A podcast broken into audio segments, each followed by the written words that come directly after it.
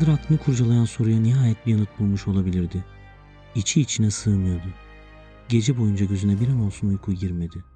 Günün ilk ışıklarıyla beraber yeni fikrini Orestes'le paylaşmak için valilik binasına gitti. Eski öğrencisi Kirenili Sinesios da oradaydı. Konuşma fırsatı vermediler. Aceleyle bir kenara oturtup ısrarla Hristiyanlığa davet ettiler. Halk önünde vaftiz edilmesi gerekiyordu. İnançla pazarlık edemezdi. Artık ne eski öğrencisinin ne de aşığının onu koruyacak kudrete sahip olmadığını anladı. O anda her şey önemini yitirmişti. Korumaları geri çevirdi ve usulca valilik binasından ayrıldı. Çok geçmeden Cyril'in kışkırttığı radikal dinci çetenin eline düştü. Bağırıyorlardı. Cadı! Cadı! Valinin fahişesi! Yol boyunca aşağılandı. Her adımda tartaklandı. Sizaryum kilisesine vardıklarında üzerindeki kıyafetleri elleriyle parçaladılar. Çırılçıplak kalmıştı. Hemen orada recmettiler. Sonra bedenini parçalayıp sokaklarda sürüklediler. Ve sonunda parçalarını ateşe verdiler.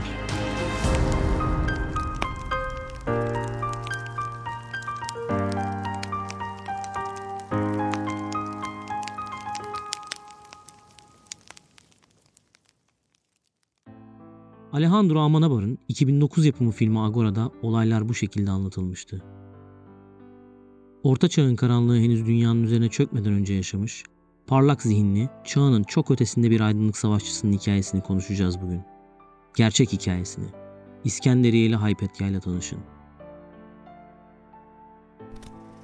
Geç bir uyarım bilmiyorum ama filmi henüz izlemediyseniz ve izlemeyi düşünüyorsanız belki bu bölümü daha sonra dinlemek isteyebilirsiniz.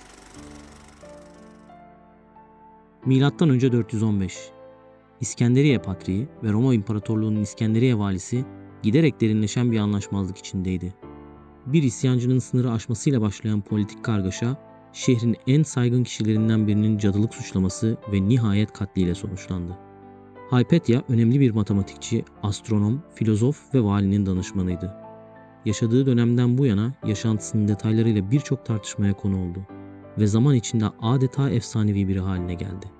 Fakat böyle birinin kendi çalışmalarının hiçbiri ne yazık ki günümüze ulaşmadı. Yalnızca çağdaş tarihçilerin ve öğrencilerinin anlattıkları sayesinde hayatı ve çalışmaları hakkında bilgi edinebiliyoruz.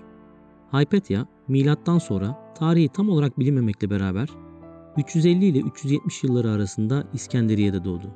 İskenderiye o zamanlar Roma İmparatorluğu'nun Mısır eyaletinin başkenti ve gerek entelektüel gerekse de ruhani olarak dünyanın önde gelen merkezlerinden biriydi. Babası Tion, başarılı bir Yunan matematikçi ve astronomdu.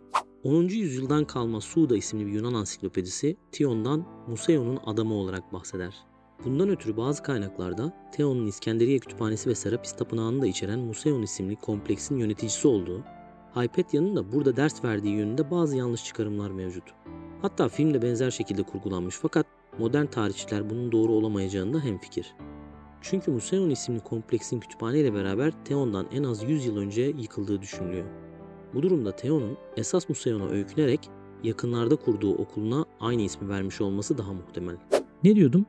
Babası Theon başarılı bir Yunan matematikçi ve astronomdu. Annesi ise bilinmiyor. Hypatia muhtemelen tek çocuktu. Muhtemelen diyorum çünkü Theon Batlamyus'un 13 ciltlik astronomi serisi Almacest üzerine hazırladığı tefsirde baskı filozof kızım Hypatia tarafından hazırlanmıştır notunun yanı sıra bu çalışmayı Epiphanius isimli oğluna ithaf ettiğini de ilave etmiş. Fakat burada oğul için seçtiği kelime daha çok manevi oğul gibi bir anlam taşıdığından tarihçiler tek çocuk ihtimaline daha yakın duruyor. Tek çocuktu ve Theon onu kendi eğitti. Kızını düşünme hakkını saklı tut. Çünkü yanlış düşünmek bile hiç düşünmemekten daha iyidir öğüdüyle büyüttü. Hypatia henüz erken yaşlarda hem matematik hem de felsefe alanında babasını aşınca Theon eğitimini sürdürmesi için onu önce Atina'ya sonra da Roma'ya gönderdi. Memleketine döndüğünde önce babasının okulu Museon'da ders vermeye başladı. Sonra da modern bir üniversiteye benzeyen bu okulun yönetiminde babasının yerini aldı. Kullandığı hidrometre ve usturlap gibi bilimsel araçları iyileştirdi. Usturlap gök cisimlerinin konumlarını belirlemek ve yerel saati hesaplamak için kullanılan bir tür ölçüm aleti. Matematik ders kitapları yazdı. Daha verimli bir uzun bölme işlemi geliştirdi. Fakat İskenderiye'deki entelektüel hayata belki de en önemli katkısı felsefi öğretisinden geliyordu. Hypatia'nın felsefesi Platon ve Aristoteles'le birlikte mistik filozof Plotinius ve matematikçi Pisagor'un mirasından geliyordu. Bunların yarattığı etki birleşerek Neoplatonizm adı verilen yeni bir ekol oluşturuyordu. Neoplatonistler için matematiğin aritmetik, geometri, astronomi ve müzik olarak dört dala bölünmüş manevi bir tarafı vardı. Bu alanları yalnız merak veya pratik yarar uğruna değil, sayıların evrenin kutsal dili olduğu inancını ispatladığı için çalışıyorlardı. Neoplatonistler cebirsel formüllerin tekrar eden kalıpları, geometrik şekiller, gezegenlerin yörüngeleri ve müzikal tonların armonik aralıklarında akıl sahibi evrensel bir gücün iş başında olduğunu görüyordu. Öğrenciler bir olarak bilinen bu güçle daha yüksek bir bütünlüğe ulaşmak için düzenli matematik dünyasının derinlerine dalardı.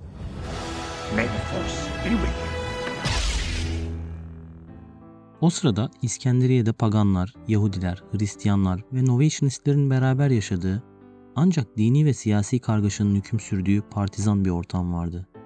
Hypatia, Hristiyanlık öncesi geleneksel Romalı inancı, pagan olarak düşünülüyor olsa da herhangi bir tanrı inancı yoktu.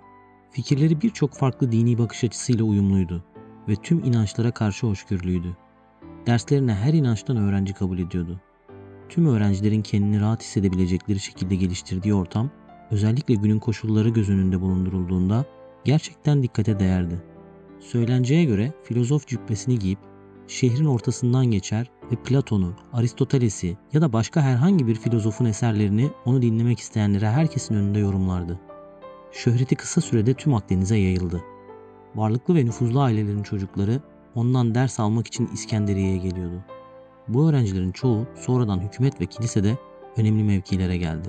Roma İmparatorluğu'nun İskenderiye valisi Orestes de Hypatia'dan ders almış olanlar arasındaydı. Nikio Piskoposu Ioannis 7. yüzyıldan kalan Vakainame adlı eserinde Hypatia'dan şöyle bahseder. Ve o günlerde İskenderiye'de kadın bir filozof ortaya çıktı. Hypatia adında bir pagan. Tüm zamanını sihire, usturlaplara ve müzik aletlerine adamıştı. Şeytani hileleriyle birçok insanı kandırdı. Şehrin valisi onu fazlasıyla onurlandırdı. Çünkü sihriyle onu da baştan çıkarmıştı. Dönemin tanıklarına göre Hypatia gerçekten de büyüleyici bir güzelliğe sahipti. Ancak tüm evlilik tekliflerini geri çeviriyordu. Evlilik kendi hürriyetini kısıtlayabileceği için yaşamı boyunca kimseyle evlenmemeyi seçti. Hristiyanlık yakın zamanda imparatorluğun devlet dini haline gelmişti.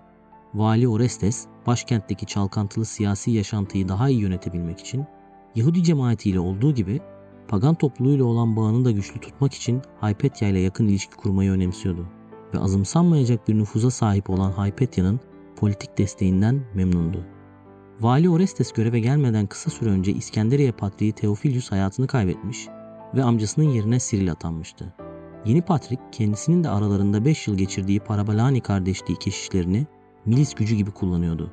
Parabalani kardeşliği esasen kendi hayatlarını tehlikeye attığını bilerek bulaşıcı hastalık taşıyanların bakımı ve ölülerinin gömülmesi gibi hayır işleri için gönüllülerin oluşturduğu bir keşiş topluluğuydu. Onlara pagan tapınaklarını yıkma ve Yahudi nüfusunu taciz etme emri vererek siyasi gücünü günden güne arttırıyordu. Böyle yaparak ılımlı bir Hristiyan olan Vali Orestes'in seküler otoritesine zarar verdi ve iki lider arasında düşmanlık doğmasına sebep oldu. Bilge ve tarafsız biri olarak gördüğü için Vali Orestes, adil ve itidalli davranmasını tavsiye eden Hypatia'ya danıştı. Ancak bu süreçte Nitria rahipleri ve Parabolani kardeşlerden oluşan bir grup ayaklandı ve halkı Orestes'e karşı isyan etmeye teşvik etti. İçlerinden Ammonius isimli birinin attığı taş Orestes'in kafasından ağır yaralanmasına ve çok kan kaybetmesine sebep oldu. Valinin korumaları keşişler tarafından taşlanmaktan korktuğu için kaçtı ve onu yalnız bıraktı. Fakat İskenderiye halkı yardıma koştu. İsyancılar püskürtüldü ve taşı atan yakalandı. Orestes iyileştikten sonra Ammonius'a umuma açık bir yerde ölene kadar işkence etti. Siril Ammonius'un cesedini kiliseye getirtti. Ona cenaze töreni düzenledi. Tamasyus ünvanı verdi ve adını şehitler listesine yazdırdı. Ancak halk Ammonius'un inancı için şehit olmadığını, saldırısı için öldürüldüğünü biliyordu. Ve Siril bu hususta İskenderiye'nin Hristiyan cemaatinden dahi destek göremediği için geri adım atmak zorunda kaldı. Siril, ara buluculuk girişimi de dahil olmak üzere çeşitli barış önerileriyle Orestes'e ulaşmaya çalıştıysa da bu girişimleri başarılı olmadı. Hristiyan cemaatinin bir kısmı Orestes'in Siril'den gelen uzlaşma önerilerini kabul etmemesinin sebebi olarak Hypatia'yı görüyordu.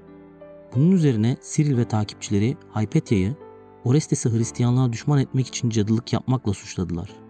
415 yılının Mart ayında Hypatia arabasıyla şehirden geçerken Cyril'in kışkırttığı çete onu arabasından dışarı sürükledi. Parçaladı ve vahşice öldürdü. Yunan kilise tarihçisi Sokrates Scholasticus, Historia Ecclesiastica adlı 7. yüzyıldan kalma eserinde Hypatia'nın İskenderiye'de dönemin en önemli iki figürü olan Orestes ile Cyril arasında anlaşmazlıklara sebebiyet verdiği ve politik işlere karıştığı gerekçesiyle bağnaz bir çete tarafından katledildiğini anlatır. Hypatia'nın ölümü İskenderiye siyasetinde bir dönüm noktası oldu. Babasından devraldığı okul kendisinin halefi olmadığı için cinayetin ardından kapandı. Kendisinden sonra aynı bölgede çok sayıda yeni akademinin kurulduğu ve Neoplatonizmin sürdüğü biliniyor. Ancak Yunan ve Roma geleneğindeki diğer filozofların önemli bir bölümü şehirden kaçtı. İskenderiye'nin bir eğitim merkezi olarak rolü azaldı. Teşvik ettiği sorgulama, açıklık ve adalet ruhu gerçek anlamda onunla öldü. İşin içine girince fark ettim ki Hypatia gerçekten hakkında araştırma yapması çok güç biri. Çelişkili kaynaklar arasında kaybolmamak içten bile değil. Yine de ileri okumalar yapmayı ihmal etmeyin. Doğruluğunu teyit ettiğiniz ilave bilgileri belki siz de benimle paylaşırsınız. Sonraki bölümde görüşünceye dek sünger gibi kalın.